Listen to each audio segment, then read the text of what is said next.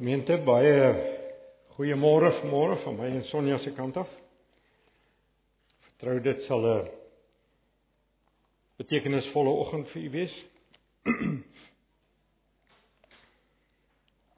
Voorreg om hier te wees. Kom ons kom voor die aangesig van die Here nou weer 'n keer en ons vra net sy seën op die woord.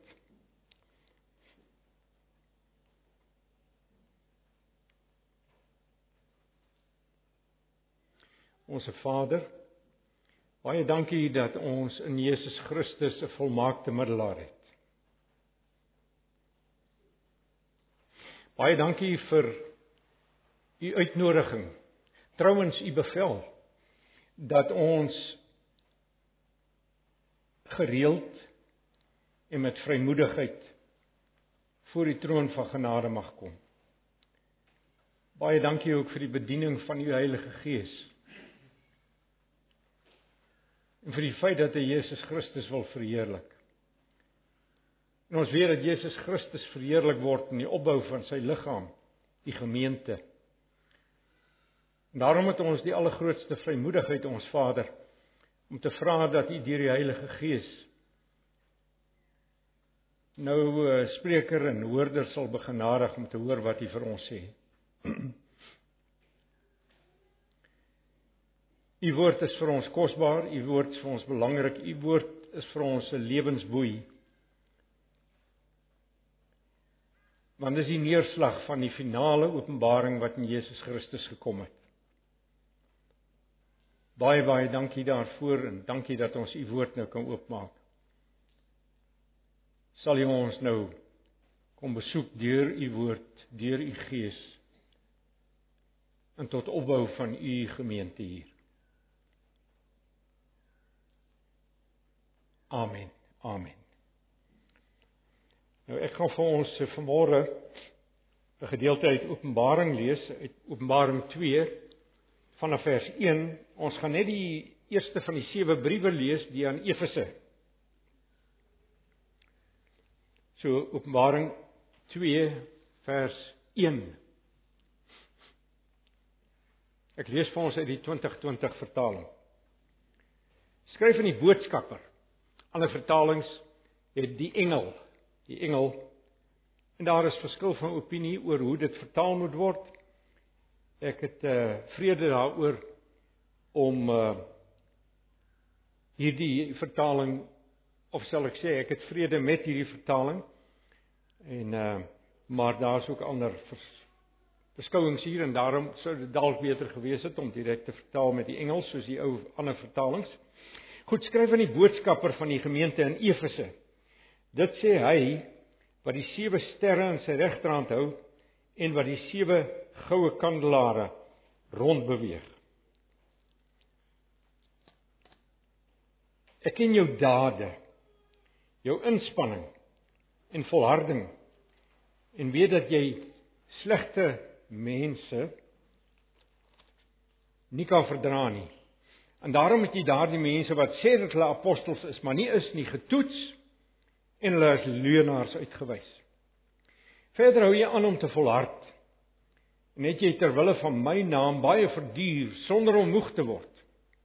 Maar ek hou dit teen jou dat jy jou eerste liefde versaak het. Onthou dan waarvandaan jy uitgesak het en bekeer jou. Gaan doen weer wat jy vroeër gedoen het. Anders as jy nie tot bekering kom nie, sal ek na jou toe kom en jou kandelaar van sy staanplek af verwyder. Want dit tel maar dit tel in jou guns. Jy haat die dade van die Nikolaïte wat ek ook haat. Laat die wat oor het luister na wat die Gees aan die gemeente sê. Aan wie oorwin sal ek die ete gee van die boom van die lewe in God se paradys of wat daar in God se paradys staan. Nou hoekom ek hierdie brief vir ons lees? Julle sal die van julle wat verlede week hier was, sal onthou dat ons afgesluit het met die hele gedagte van die beeld van die kandelaar of van die uh van die uh nou het ek vergeet wat dit is, maar in elk geval die boodskapper van die Here, die gemeente en uh die waarskuwing dat uh kry ons nou en daaraan wil ek nou aandag gee.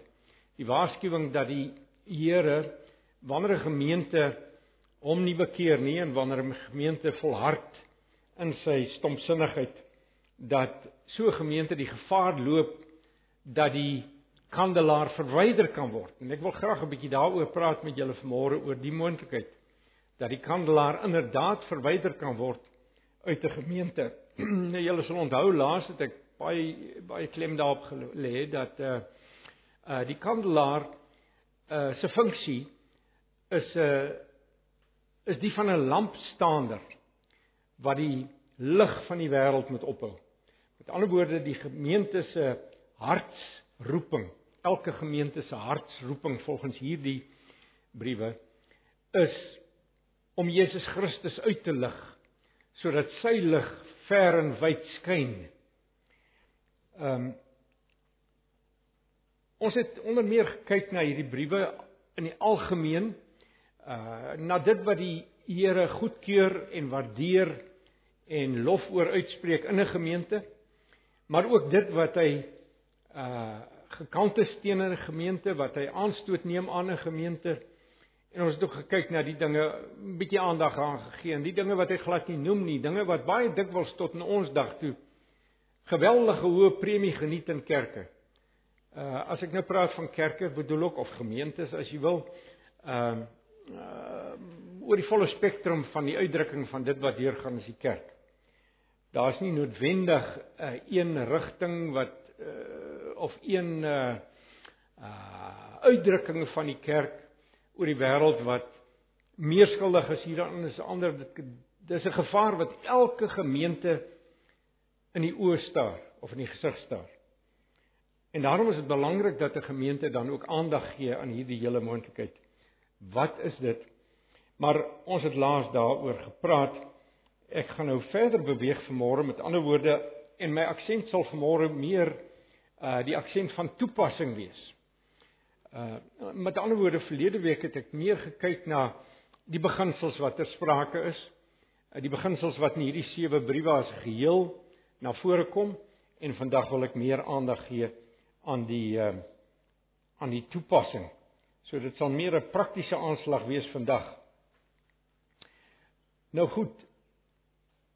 Kom ons praat 'n bietjie oor die verwydering van die kandelaar van 'n gemeente soos ons nou gesien het, wat beteken dit werklik? Hoe verwyder Christus die kandelaar? En wat gebeur in 'n gemeente as die kandelaar verwyder word? Hoe erken ons dit? Hoe sien ons dit raak?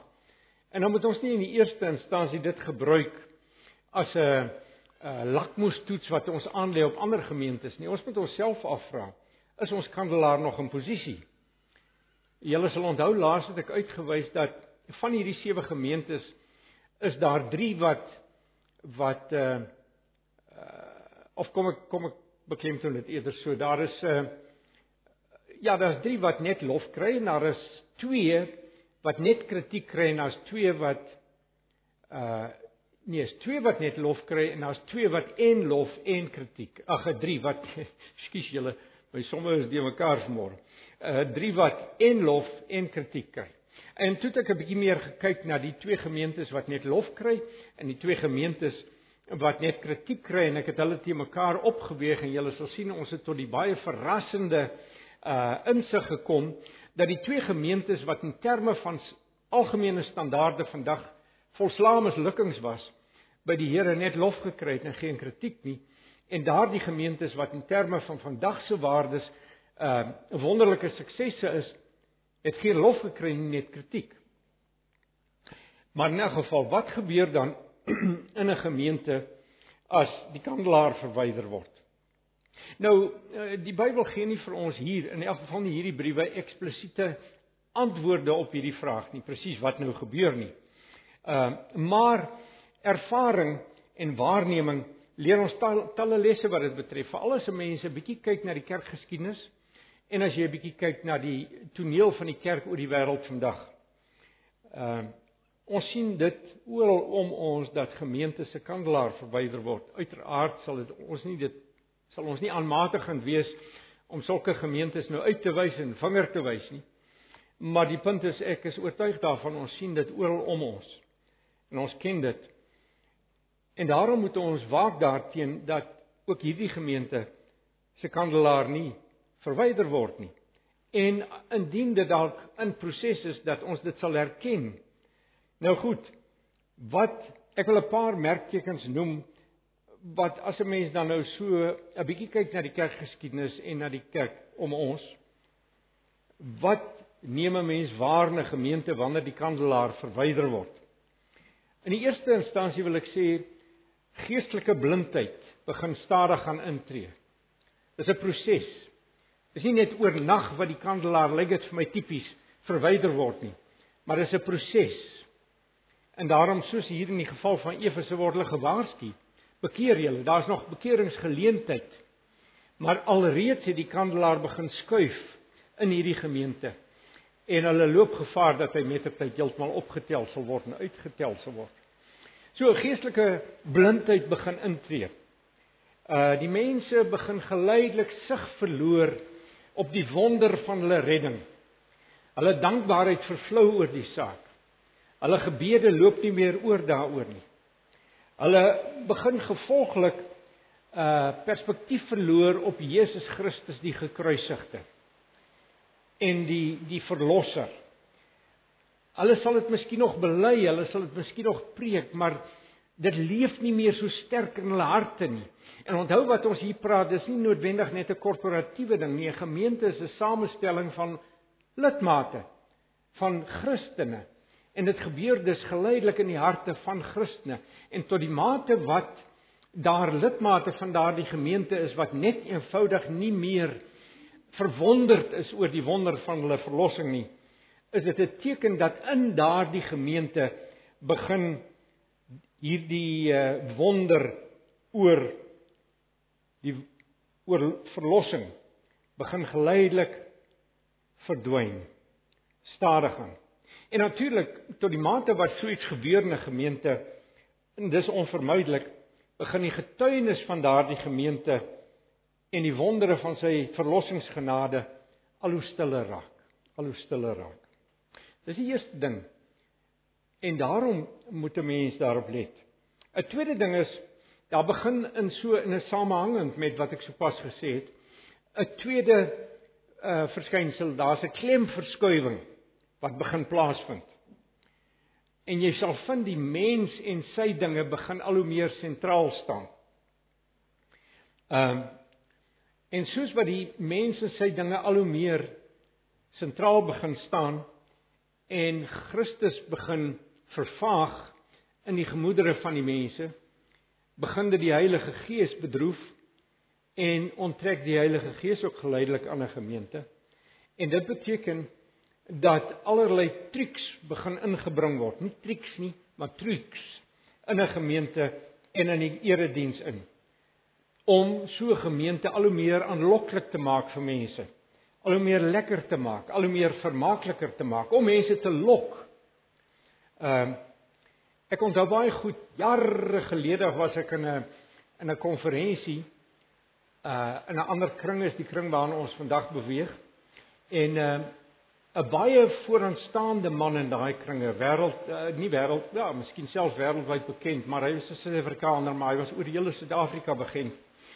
Hy het vir ons gesê brothers let me tell you the key to church growth is to keep the expectancy level of the people high. Nou as jy kyk na sekere kringe, daar is gedurig nuwe fads en fancies. Ekskuus hulle vir my uh my uh goeie Afrikaans. Fad, maar julle weet wat is 'n 'n fancy. Uh, dis maar net 'n ander woord vir trucs. Dan is dit dit en dan is almal opgewonde. En na 2 of 3 of 6 maande gebeur daar eintlik nie veel nie en mense begin hulle belangstelling en hulle entoesiasme verloor. En dan is dit tyd het die betrokke leier vir ons gesê dat daar 'n nuwe uh nuwe ding moet verskyn. Nou die van julle wat tred gehou het met die kerkgeskiedenis oor die afloop soos ek oor die afgelope 20, 30, 40 jaar uh die van julle wat ingelig is sal weet dat dit 'n algemene ding is. Daar is kringe waar dit ek kan dit maar noem uh wat tale was die ding. En toe was dit slaying in the spirit. En toe was dit demoniese uitdrywing, nie noodwendig in hierdie volgorde nie. Maar dit was allerlei sulke uh laughing in the spirit. Kan julle hierdie goed onthou? Julle sal dit onthou. Ehm uh, en dit is nuwe fads, nuwe fancies. Nou ehm uh, en toenemend verloor so 'n uh, 'n kerk sy fokus op sy hooftaak in hierdie wêreld. En in die prediking en in die beheftheid van die mense en hulle gesprekke begin dit allerlei al, uh, uh, gedurig meer en meer gaan oor al hierdie dinge wat hulle opgewonde, dit maak hulle opgewonde. En uh hulle is vol verwagting. Wat is volgende? En uh maar jy kry dit nie net in in die kringe, die voorbeeld wat ek nou gebruik het, maar jy kry dit ook in ander kringe. Jy kry jy moet oplet. Op die oomblik is dit aan die gang. Ek sien dit raak hier in ons land wanneer die kandelaar verwyder word of al verwyder is, dan begin dinge al hoe meer veruiterlik. Soos byvoorbeeld spesiale klere drag vir die voorgangers. Uh mense nog voorbeelde kon noem. En en in elk geval al hoe meer begin die kerk se fokus raak sosiaal. Christus vervaag en dit word al hoe meer horisontalisties. Die die fokus raak al hoe meer horisontaal en dit word uiteindelik amper uitsluitlik 'n kwessie van ons moet hierdie wêreld 'n beter plek maak. Daar kom 'n baie sterker aksent op sosiale uh die sosiale roeping van die kerk. Ag julle sal weet so goed soos ek. Ons sien dit oral dat baie kerkleiers ehm uh, is is as hulle om kommentaar gevra word, sal hulle nie meer praat van Christus die gekruisigde nie. Hulle praat net van die armes. Ag en julle moet weet, die Bybel het 'n baie baie sterk aksent op die Christene se roeping teenoor die armes. Baie sterk. Maar dit raak 'n sosiale tipe van beheptheid. Ek is seker julle weet waarvan ek praat. 'n Volgende stap is die lig van die wêreld. Christus skyn nie meer so uh duidelik vanuit die gemeente. Met ander woorde, Christus word nie meer so sterk beklemtoon nie. Het julle al opgelet? Niemand sal vandag te veel aanstoot neem as jy praat van God nie. Want almal aanvaar behalwe sommige dat daar 'n God moet wees. Maar begin net praat van Jesus Christus. Dan is dit onaanvaarbaar.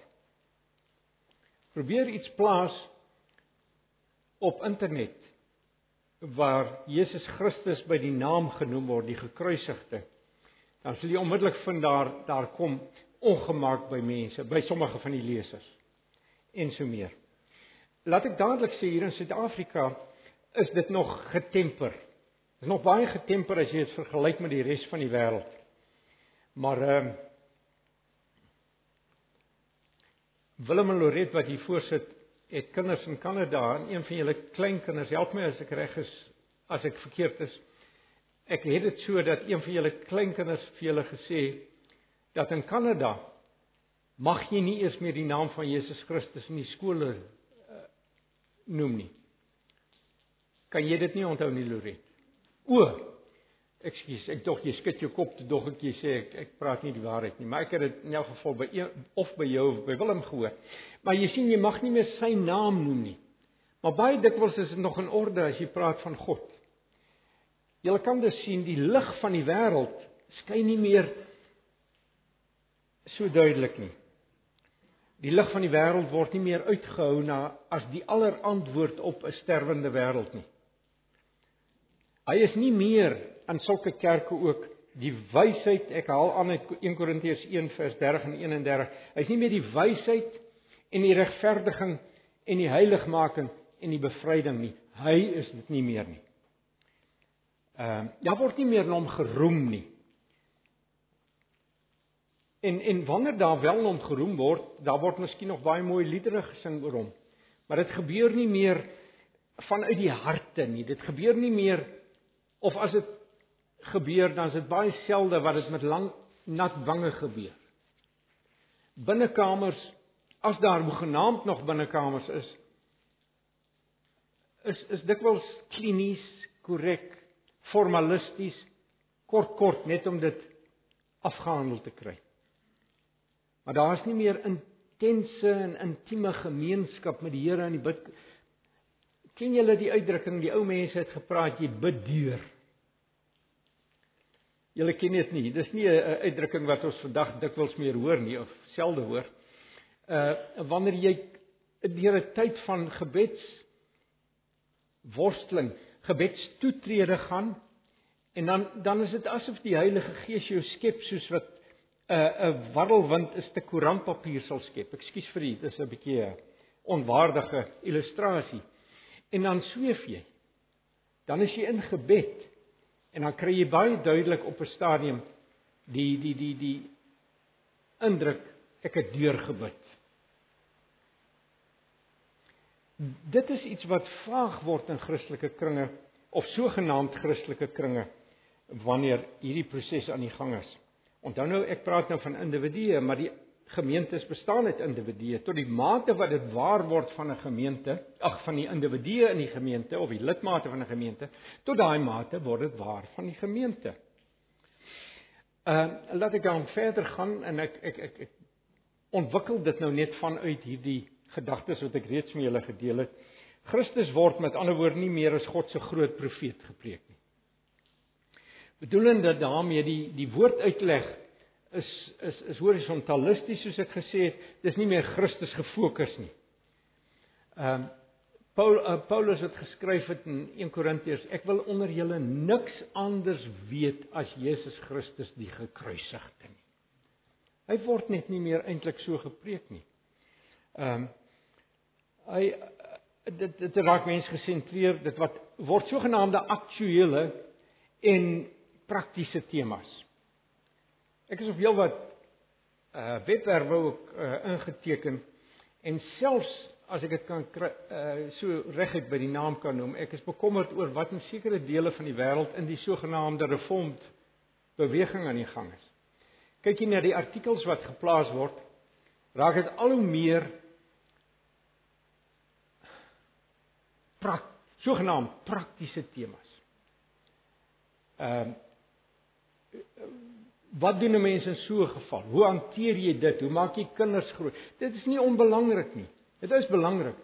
Maar dit is asof die skrifuitleg en besonderlik Christus gesentreerde skrifuitleg geleidelik verwaarloos. Trouwens ek het net 'n 2, 3 week, 4 weke terug het een van die uh ek ek gebruik nou die woord gereformeerd, dis 'n met die klein lettertjie, nê. Nee. Uh dit kan Reformed Baptist wees, dit kan Presbyteriane wees, dit kan selfs Reformed Anglicans wees, maak nie saak nie.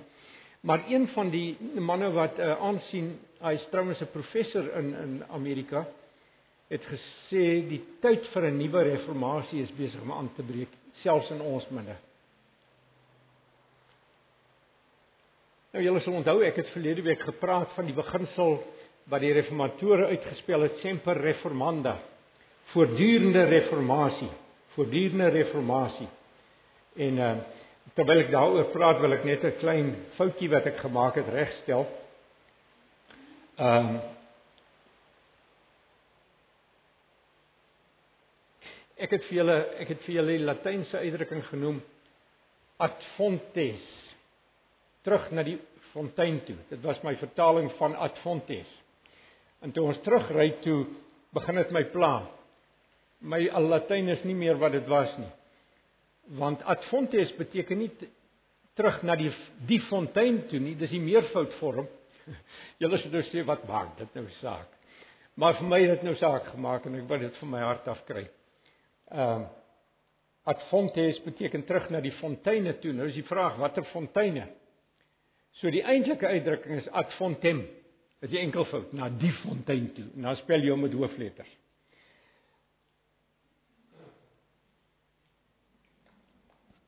Nou voel ek ten minste beter. Die volgende ding is Christus word nie meer as die groot hoëpriester dan gepreek nie. Die evangelie, die regte evangelie word nie meer van kansels af gepreek eintlik nie, al hoe minder. Almal is maar gered. Ehm uh, en die hele gedagte van moralisme Hoe word 'n Christen gekenmerk? Hy leef moralisties. Maar dit is baie kortsigtig. Ek kan vir julle verseker, gaan Japan toe as jy mense wil sien wat moralisties baie vroom leef. Selfs in die moslimwêreld leef mense baie baie vroom en moreel. Gaan kyk na die Rooms-Katolieke. Baie van hulle leef baie vroom. Maar die essensie van die saak het hulle lankal of nog nooit gehad nie of hulle lankal verloor. Dit gaan nie net oor vroom leef nie, dit gaan daaroor dat jy in Jesus Christus invlug en in hom skuil en toenemend in hom skuil. Ja ja, die gevolge daarvan, dit word die fontein wat die goeie werke laat uitmond. Maar goeie werke sonder hierdie Christus gesentreerdheid en in besonder dan as ons groot hoëpriester, profeet en koning is net nie volgens God se standaard nie. En as ons dan praat van die regte evangelie, ek wil julle onder julle niks anders weet nie as Jesus Christus die gekruisigde. Dis die regte evangelie. En en tot die mate wat hierdie regte evangelie verdwyn uit die gemeente word dit al hoe meer die prediking al hoe meer simplisties, al hoe meer simplisties. En al hoe meer mensgesentreerd en al hoe meer sentimenteel. Mense word met sentimentaliteit geroer. Het julle al opgelet hoeveel van hierdie ou sentimentele ou dingetjies ehm uh, ek weet nou nie uh, as 'n uh, tred hou met die met die met die media van ons dag, sien julle sien dit raak al hoe meer sentimenteel Christendom. Tot so 'n mate dat ek dit nie meer kan soos hulle in goeie Afrikaans sê, I can't stomach it anymore. Nou ja, jy sien mense raak vreemdelinge vir wonderlike waarhede soos regverdiging deur die geloof alleen. Hulle het net eenvoudig nie meer daardie verrukking van verwondering oor die feit dat ek ja ek geregverdig is in Christus nie. Uh, dis asof die kruis sy ware betekenis begin verloor. God se vrye en soewereine genade vir sondaars vervaag geleidelik. Dit maak plek soos ek net nou gesê het vir eie verdienste en filantropie en sentimentele sentimentele medemenslikheid ensovoorts. Christus word nie meer as groot koning gepreek nie. Sy soewereine heerskappy en seggenskap op my lewe en op Christus se lewens en op 'n gemeente se lewe geleidelik uh raak dit raak dit of vervaag dit. En en so kan ons nou maar aanhou. Die hele belangrikheid van selfaflegging en kruis opdra, kruis dra in sy voetspore. Jy hoor dit nie meer so ding, al hoe minder, al hoe minder wanneer die kandelaar in die proses van verwydering is. Dit word vervang met die hier en nou voordele van Christen wees. Daar is al hoe minder beklemtoning van die noodsaak van 'n heilige lewe. Minder die bewussyn dat sonder 'n heilige lewe sal ek die koninkryk nie ingaan nie. Nie omdat dit die grond is vir my redding nie, maar dit is die merkteken van ware redding in Christus. Waar Christus iemand red, sit hy onmiddellik van die eerste dag af jou voete op die pad van heiligmaking. Bekering en heiligmaking. En weer bekering en weer bekering. Terug terug. En en daarom sal die die gebede van mense wat wat in hierdie prosesse sal maar voortdurend weer vol bewussyn bewussyn wees van onwaar eie onwaardigheid my alles is in Christus my alles is in Christus en natuurlik jy hoor eintlik niks meer van hom as die toekomstige redder nie al hoe minder Mense neem daaraan aanstoot. Noem net die woord hel en dan wil mense uitraad uitspring. En nou wat nou baie interessant is, dikwels, ek sê nie altyd nie, maar dikwels word so 'n gemeente nou gewild. Nie altyd nie. Ehm um, maar dit gebeur dikwels want die struikelblok as ons nou kyk na uh 1 Korintiërs 23 sê ons egter sê die apostel daar verkondig 'n gekruisigde Christus. Vir die Jode is dit 'n struikelblok en vir die nie-Jode 'n dwaasheid. Jy sien met ander woorde die struikelblok, as die struikelblok verwyder word, dan begin die huigelaars tuis voel in so 'n gemeente. daarmee sê ek nie dat geen gemeente nie ook huigelaars in sy midde het nie. Selfs die Here Jesus het in sy disipelkring van 12 'n huigelaar gehad. Maar maar dit raak al hoe meer algemeen dat huigelaars heeltemal tuis voel daar. Hulle trouens hulle Ek onthou jare terug het ek een keer gepreek en toe ons uitstap daar was 'n besoeker gewees kom hy na my toe. Hy sê man ek wil net vir jou sê ek like hierdie plek. Ek like hierdie plek. En dit het my bietjie die vraag laat want hy was kennelik nie gered op daai stadium nie. Hy het later tot bekering gekom moet ek by sê.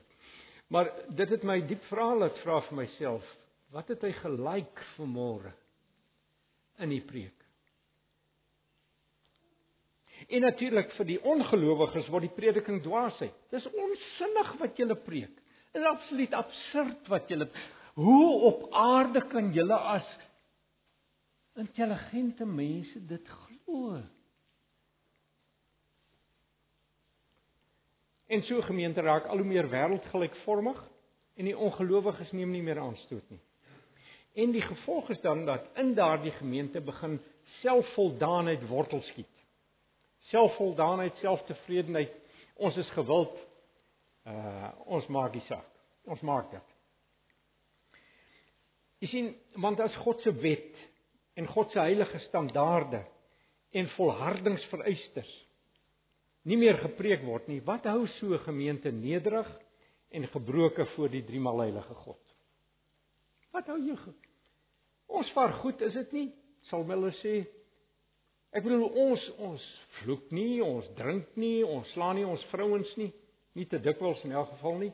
Ehm um, ons kinders is redelik gedissiplineerd. Ehm um, Ons gee ons tiendes ensovoorts ensovoorts. So dit alles dra by tot verdere gewildheid en gearriveerdheid.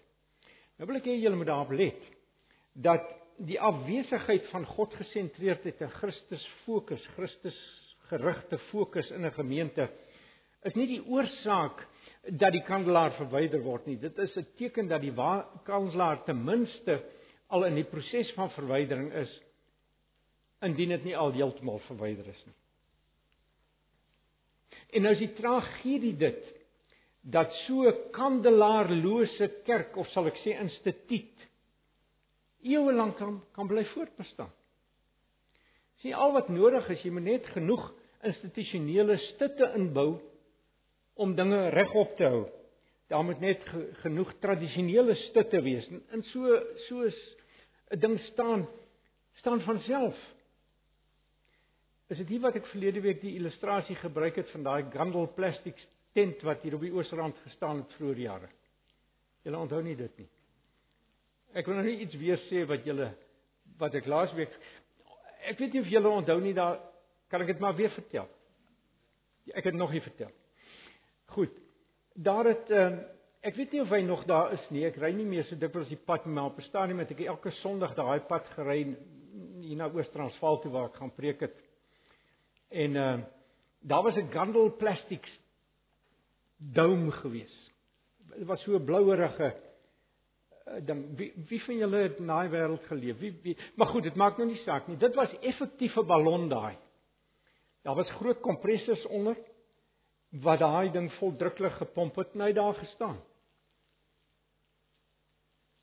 Kan julle verstaan dat 'n mens so ding kan regop hou? Jy moet hom net voldruklik hou. En eendag toe ry ek weer daar verby, toe besef ek maar as daai kompressors of of ja, kompressors afgeskakel word, wat gaan gebeur met daai tent? Hy gaan nie net eensklaps in mekaar val nie, maar hy gaan geleidelik in mekaar sak. En toe besef ek skielik, dis net 'n illustrasie wat by my opgekom het, maar is nogal 'n betekenisvolle in 'n uh, illustrasie. Dit gebeur baie dikwels in 'n gemeente. En wat doen die mense as hy begin in mekaar sak? Hulle hardloop in met pale en hulle stit hom laat hy staan. Jy sien? En dis wat presies gebeur as die kerk te kwai ehm uh, geïnstitusionaliseer word. Jy druk net stitte in en daar staan hy weer. En nou kan jy jouself maklik wys maak alles is pluis. En dis wat dikwels gebeur.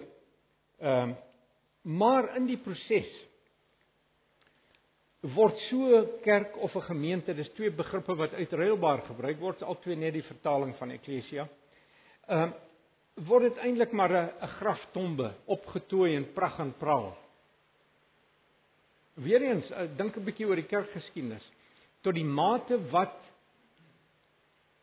die gees onttrek in 'n gemeente tot daardie mate kom daar allerlei pragt en praal by en uiterlike simbole en vir Ou Testamenties weer die kerk. Vir Ou Testamentiese kerk.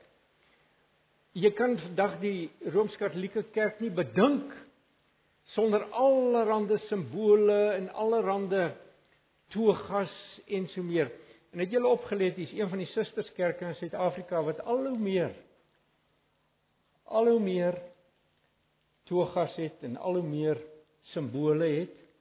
Al was nou die dag 'n Ek dink ek het dalk hierna verwys la. Ekskuus, ek noem 'n ding maar by die naam vanmôre. Ehm um, is hier die gemeente. Ek julle vertel van die mense wat so met die kruis. Wie het julle vertel? O, Ivan onthou dit. Hoekom het jy nie geluister laas week die Greetie? Was jy nie hier nie? in elk geval, in een van ons sogenaamde susterskerke was daar wat was as Woensdag of Ash Wednesday het hulle die Sondag dit gevier. En ehm um, elkeen het met as moes vorentoe gaan en elkeen het met as so 'n kruisie gekry. En dan moes hy omstap en dan het hy gaan buig voor Ek en Sonja het verskil daaroor, maar my broer sê vir my want hulle was in daai gemeente. Dit was inderdaad 'n spieël soos ek gedink het. Dan gaan buig hulle voor 'n spieël. Dan gesit hulle. Nou ja, wat my betref is dit nonsens. Trouwens, Dis God onteerend. Sketters. Maar die liewe mense wat in daai gemeente gesit het, en dit is 'n groot gemeente. Ek was al in daai gemeente ek gaan bywoon. Dis 'n groot gemeente. Hulle kan tipiese bywoning kry van meer as 1000. Die arme mense het net eenvoudig nie geweet wat gaan aan nie. Hulle is so oningelig, hulle is so onopgevoed. dat hulle nie hierdie onderskeiding vermoë meer het nie. Ek is jammer julle ken my nie so dat ek die dinge so by die naam noem nie, maar regtig waar. So jy sien die hele probleem en niemand binne die mure van daardie kom ons noem dit maar gemeente of kerk besef dit meer nie. Almal is selfvoldaan. Dit dreun immers van die mense baie dikwels. Ha, ons herders het die geheim van gewildheid ontdek. Wat het hulle ontdek? die beste manier om bokke mee te vermaak. Hulle het begin bokke vermaak eerder as om skape kos te gee. Jy sien almal wat in die lig wandel, het die plek in elk geval reeds verlaat. Hulle het vertrek.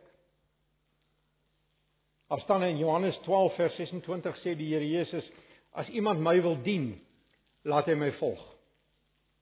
En waar ek is, daar sal my dienskneg ook wees. Met ander woorde waar die Here Jesus is, daar gaan sy disippels, sy skape agter hom aan. En as hy onttrek het aan 'n gemeente, vertrek hulle ook. Maar voor elke gemeente is daar deur die eeue, dwars deur die eeue, elke gemeente het voor homself 'n vlamskerp keuse wat hy gedurig moet maak. Gedurig moet maak. En dit geld natuurlik vir elke prediker, of predikant, geld vir elke lidmaat, geld vir die gemeente korporatief. En dit is die keuse. Wat kies jy? Kies jy getrouheid of kies jy gewildheid? Of sal ek sê kies jy getrouheid of kies jy sukses? Wat is getrouheid? Getrouheid is om in God se oë te slaag. Wat is sukses? Om in mense se oë te slag. Natuurlik is dit moontlik om getrouheid te kies en ook suksesvol te wees. Ek bedoel daar's baie gemeentes in die wêreld waar die prediking nog suiwer God gesentreerd, Christus gefokus, woord gefundeerd is, waar dit dreun van die mense. Maar is werklik die uitsondering, hoor. Ons is geneig om net van hulle kennis te neem, maar ek kan vir julle sê elke so gemeente is daar ten minste 50 ander wat eenvoudig maar klein en nederig is en oorleef.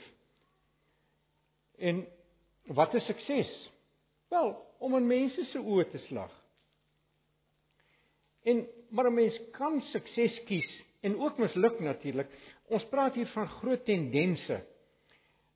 Nou, so maar as 'n reël, as 'n reël is dit so dat gemeentes wat wat wat voor mense se oë wil slag, daar is resepte beskikbaar vir church growth wat hulle noem. Daar's 'n baie sterk aksent in dors die wêreld uh, westerse wêreld in elk geval op die tegnieke van kerkgroei, church growth. Daar word seminare aangebied, daar's kursusse aan die in seminariums ensovoorts. Wat is die geheim van kerkgroei. Nie oomblik as jy daarmee begin besig raak, dan speel jy op die spoor. Maar laat ek dit sê, dis onmoontlik om sukses te kies in terselfdertyd na God se oë te slag. Ek wil dit herhaal. Dis onmoontlik om sukses te kies in plaas van getrouheid en terselfdertyd na God se oë te slag. So laat ons dit altyd voor oë hou en dit geld nie besonder nie net vir die lidmate maar nie besonder ook vir die ouderlinge. Daar is voor 'n gemeente altyd twee paaie. 'n Gemeente verkeer gedurig per definisie op 'n nie 'n kruising nie, maar 'n vurk in die pad, 'n vurk in die pad. Dis twee paaie en dit vereis dikwels 'n baie radikale keuse. En hierdie keuse is onontkombaar. Dis intens bewustelik. Dis lotsbepalend. En hierdie keuse is: gaan jy vir mense se eer sodat ons verheerlik kan word of gaan jy vir God se eer sodat hy verheerlik kan word? En ek kan julle sê as dit dan nou 'n 'n 'n meedoenlose keuse vir elke gemeente is, is dit veral 'n keuse vir 'n prediker. Dis 'n moeilike keuse dikwels. En dit is 'n subtiele keuse en jy moet dus hierop ingestel wees. Wat sê dit vir ons? Ek gaan nou bietjie begin na, na hoër raad toe opskryf.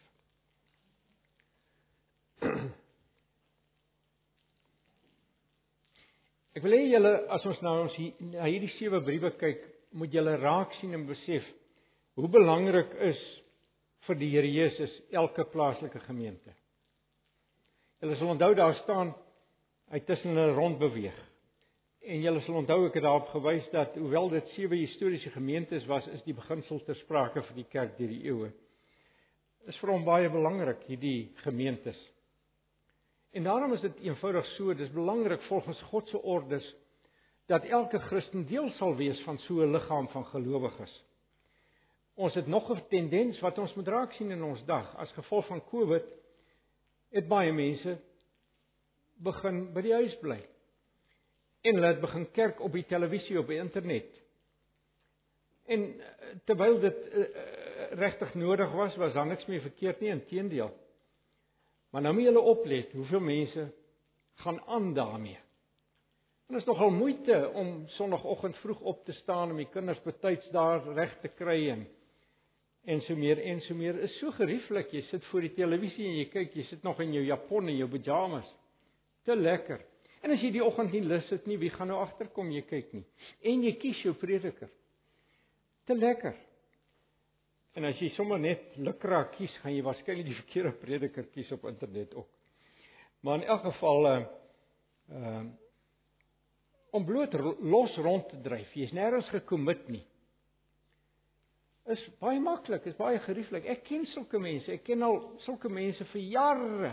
Hulle sal hulle nooit aan 'n gemeente kommit nie. Hulle sal hulle nooit onderwerp aan die ouderlinge of die herders van 'n kudde nie. Hulle wil hulle eie ding doen. Ek ek ken sulke mense. Ek dink nou spesifiek in een gesin wat ek seker al vir 30 jaar ken. Ek sê nie hulle is verlore nie, hoor. Maar wat ek sê is hulle is Hulle is nie in God se ordes nie. Dis nie in God se ordes nie. Hulle verloor soveel hierdie mense wat net op op die internet sit kyk. Uh, ek het niks teen die internet nie. Ek self is gereeld op die internet. Maar maar wat uh, daar sekere genademiddels wat per definisie ingebou is in gemeente wees en deel wees van 'n gemeente wat hulle net nie ervaar nie. Die sogenaamde ons kan dit noem die korporatiewe genademiddels of die publieke genademiddels. En daarom is dit om om lidmaat te word van 'n gemeente of om te bedank uit 'n gemeente is geen geringe saak nie. Is geen geringe saak nie. Ek en Sonja het nie te lank terug moes ons uit 'n gemeente bedank op prinsipiele gronde, op leerstellige gronde. Maar dit vir my Sonja was saam met my, maar ek bedoel ek het vir 2 jaar daaroor geworstel. Want so dis nie 'n ketterse gemeente nie hoor, maar dis 'n fundamentele leemte in daardie gemeente waarmee ek al hoe minder kon saamleef en uiteindelik met volle opgaaf van redes het ons toe nou bedank. Maar dit het vir my omtrent 2 jaar vir ons omtrent 2 jaar gevat. Dis nie 'n geringe saak nie, want die gemeente lê aan die hart van God se ordes en God se wil, die Here Jesus se wil in 'n regering in hierdie wêreld. Ons moet dit goed verstaan. Dit is nie 'n individuele saak bloot nie. Dis nie bloot individualisties, dit is ook dit. Maar dit is ook daar's 'n korporatiewe dimensie wat deel is van 'n van 'n robuuste in die positiewe sin van die woord of 'n gespierde Christelike lewe. Lees verder op dat die Here Jesus meet nie met dubbelstandaarde nie. Hy skeer al die gemeentes op aarde onder dieselfde kam. Feit dat elkeen van hierdie briewe op dieselfde manier gebou is, gestruktureer is, impliseer dit onmiskenbaar duidelik. God het nie wit broodjies nie. Die gemeente wat hom dien volgens sy ordes en soos hy wil, daardie gemeente sal hy seën, nie noodwendig met getalle nie, maar met geestelike diepgang en heiligmaking. Verder wil ek hê julle moet oplet hier tot watter mate die lewens van die gemeente korporatief en die individue en spesifiek die voorganger as ek nou maar die die die die uh die leraar van die gemeente tot watter mate dit ineengeweef is. Die briewe is tot almal gerig. Die briewe is in eerste instansie gerig aan die voorganger van die gemeente. Maar die implikasies daarvan loop deur na die hele gemeente toe. En dit beteken net eenvoudig dat hulle mekaar beïnvloed. Daar is 'n wisselwerking tussen hulle. Elkeen beïnvloed die ander. Elkeen is vir die ander twee, die ander broers en die res van die gemeente en die gemeente as geheel verantwoordelik. En in die besonder is daar in hierdie briewe 'n baie sterk aksent op die wisselwerking tussen die leraar en die gemeente. En daarom dink ek is hierdie ook vir julle 'n baie besondere uh hierdie perspektiewe vir julle as gemeente van belang. As 'n gemeente nie in genade groei nie, as dit koud is en wêrelds, kan jy maar verseker die rede by die kansel gaan soek. Ek hoop ek hoop julle hoor wat ek sê. Ten diepste lê die rede by die ek gebruik maar die woord kansel. Wat nou die kateders, ek bedoel daarmee die voorganger. Daar kan jy daar kan jy in die eerste instansie die fout gaan soek. Maar is ewe waar. Die rykdom en die of die armoede van 'n preekstoel hang grootliks af of daardie preekstoel of met ander woorde daardie leraar genade bedelaars of trotse gearriveerdes bedien. Jy sal 'n prediker kry in een gemeente is daar werklike kragtige werking van die Gees deur sy lewe. Ag deur die gemeente. Wat deur sy prediking werk. En dan kan hy na 'n ander gemeente toe gaan en daar gebeur niks. So daar's 'n wisselwerking tussen die gemeente as as nie apart van die maar die gemeente korporatief aan die een kant en spesifiek die leraar van die gemeente aan die ander kant. Met ander woorde, dis die beginsel wat ek wil tuisbring, die preekstoel of die kansel. Ek gebruik nou maar die begrip. Die kansel en die banke maak of breek mekaar oor en weer. En dit is eenvoudig so. Julle julle kan kan nou oor gaan dink. 'n Volgende punt is net dit, daar word in hierdie briewe twee simbole gebruik vir die leraars. Letterlik staan daar die sterre van die gemeente en die engele. In Hoofstuk 1 vers 20. Daar word gepraat van die sterre en die engele. En hierdie twee begrippe spreek onder meer of onderskeidelik van leierskap. 'n Ster uh die simboliek daar in Openbaring is die sterre heers oor die nag. Daar dis leierskap, dit is die ja. En die natuurlik die engele, die engele was boodskappers dienskneg wees. So dit spreek onderskeidelik van leierskap en dienskneg wees in 'n gemeente. En die een is soveel eisend soos die ander. En dit knoop saam hierdie beide hierdie verantwoordelikhede, hierdie uh uh ja, noem dit maar verantwoordelikheid knoop in 'n baie besondere sin saam in sy prediking. Nie omdat ek 'n prediker is nie dat ek dit sê nie. Dit kom duidelik uit die skrif. Daar's geen twyfel hieroor nie. En julle weet dit so goed soos ek. Die prediker maak of breek die gemeente soos ek net nou gesê het. Maar nou wat interessant is, hoekom ek hierna verwys in uh Openbaring 1 vers 16 is daar groot troos vir die manne wat hierdie sware gewigtige en uiters uitputtende roeping het. Nie gemeente weet dit nie dikwels, maar hulle weet dit baie goed. Ehm um, is daar groot troos in Openbaring 1 vers 16. Soos iemand eendag gesê het, uh julle sal onthou daar staan waar hoe hou die Here die hoof van die kerk hierdie hierdie sterre vas? Julle het opgelet. Hæ? Huh? In sy regterhand.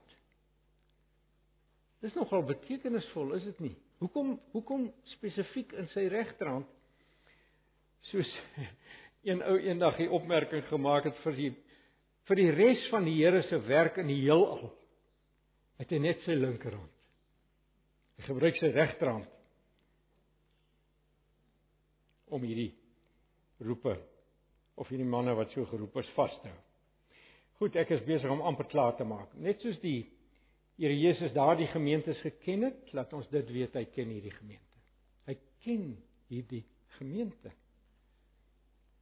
En hy ken natuurlik elke gewaande gemeente deur die eeue.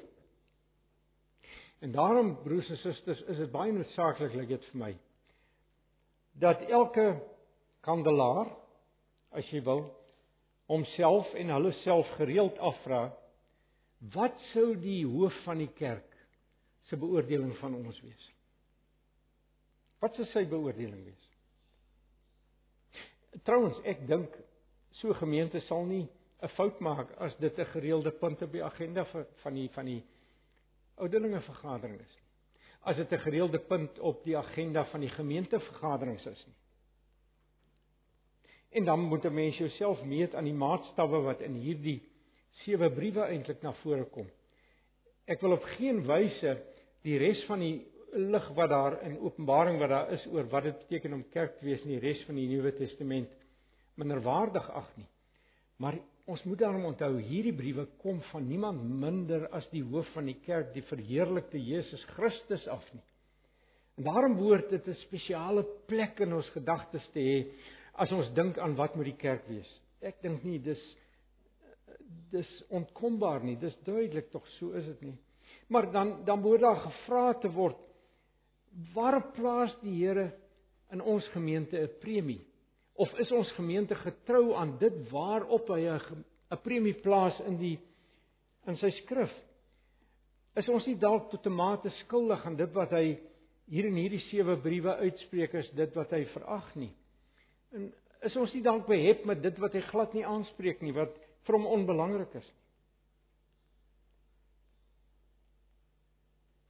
Met ander woorde ons moet onsself afvra byvoorbeeld as die Here vir ons so 'n brief sou stuur, uh wat sou sy kommentaar wees oor die voorgangers en hulle werk en hulle getrouheid in hulle werk? Wat sou sy kommentaar wees oor die prediker in sy werk en sy getrouheid in sy werk? Is hy deur die week so besig met allerlei ander dinge op hierdie komitee en daardie komitee in die stadstraat hier in die skoolkomitee daar en so wat nie verkeerd is nie hoor moenie moenie dink is verkeerd nie. Maar daar is so iets soos 'n primêre roeping. 'n primêre roeping wat op daardie man so beslag moet lê dat hy beswaarlik tyd het vir enigiets anders. Wat sê dit oor die voorgangers byvoorbeeld van 'n gemeente en die ouderlinge se werk en getrouheid oor hulle huise en hulle gesinslewe en so meer. Maar dieselfde vrae moet individue vir mekaar vra. Wat sou dit met ander woorde sê so 'n brief van elke huis in 'n gemeente? Wat sou dit sê van elke lidmaat van daardie gemeente? Wat sou sy kommentaar wees oor ons byeenkomste? Oor ons lofprysing? Wat sou sy kommentaar wees oor ons liefde vir hom en ons liefde vir mekaar? Wat sou sy kommentaar wees oor ons uitreiking met die evangelie?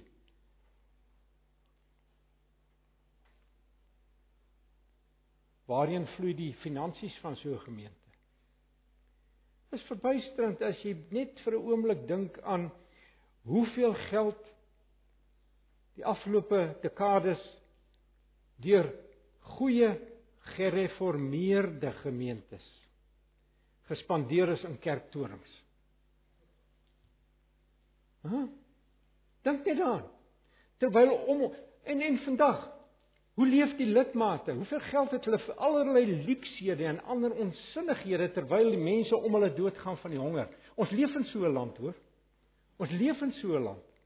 Wat sê dit van 'n gemeente se lewensstandaard? Wat sê dit van die kar waarin jy ry? Wat sê dit van die klere wat jy aantrek, dames?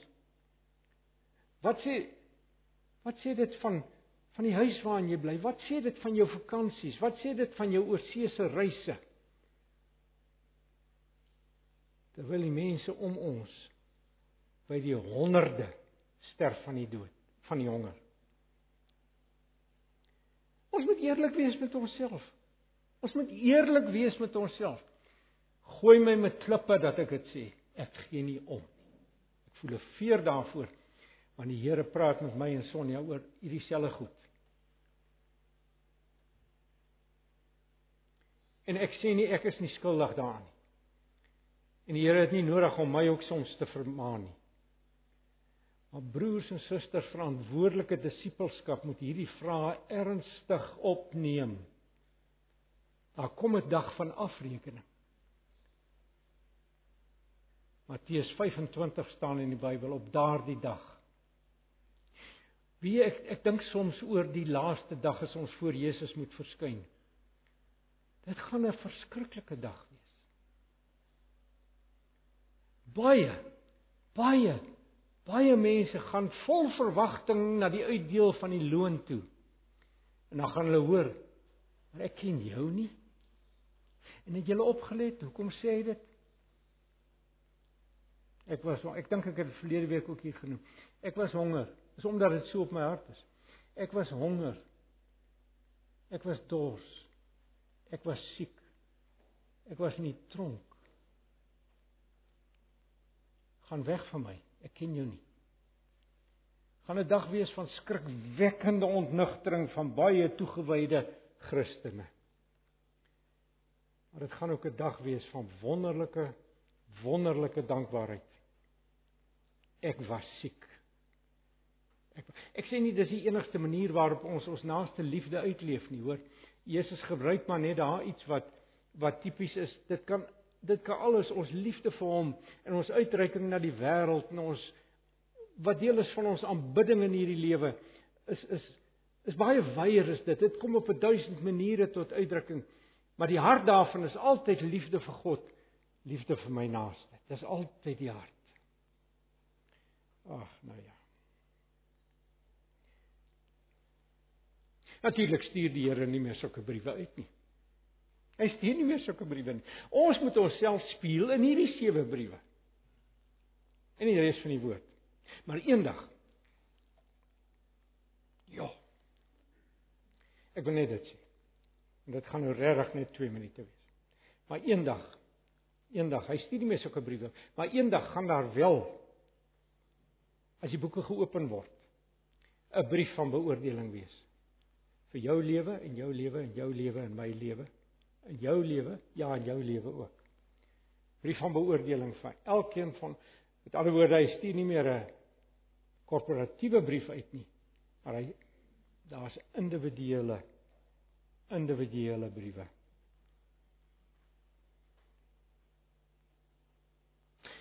En het julle al opgelet daar byvoorbeeld in in in uh, Handelinge, nie Handelinge nie, Openbaring 20 waar waar hierdie hierdie hele toneel beskryf word. Word mense beoordeel op grond van hulle werke. Daar staan in Openbaring 20 vers 11 tot 15, die dooies is op grond van wat daar in die boekrolle opgeteken is, hier is die brief. Die boekrolle opgeteken is volgens hulle dade geoordeel. Passiewe hande in die broeksak, kop op die kussing Christendom gaan nie die toetslag nie. Gaan nie die toetslag nie.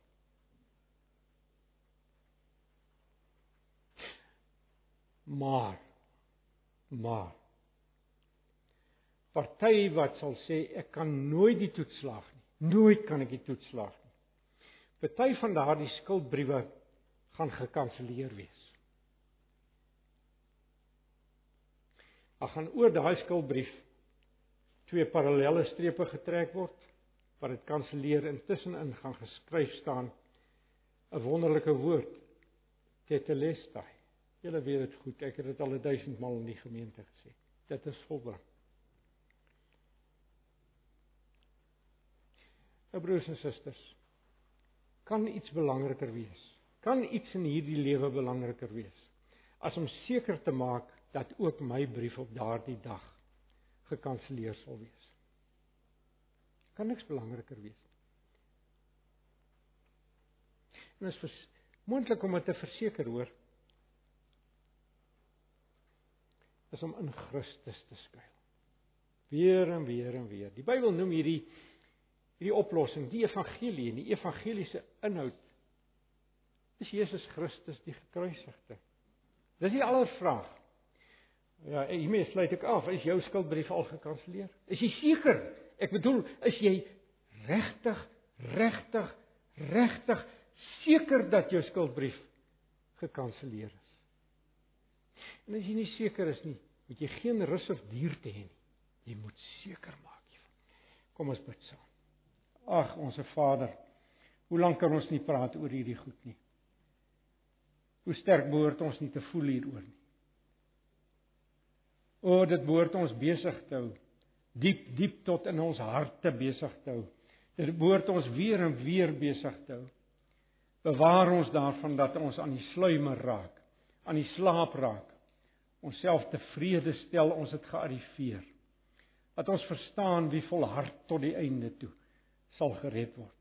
Dat ons verstaan sonder heiligmaking sal niemand die heerlikheid sien nie.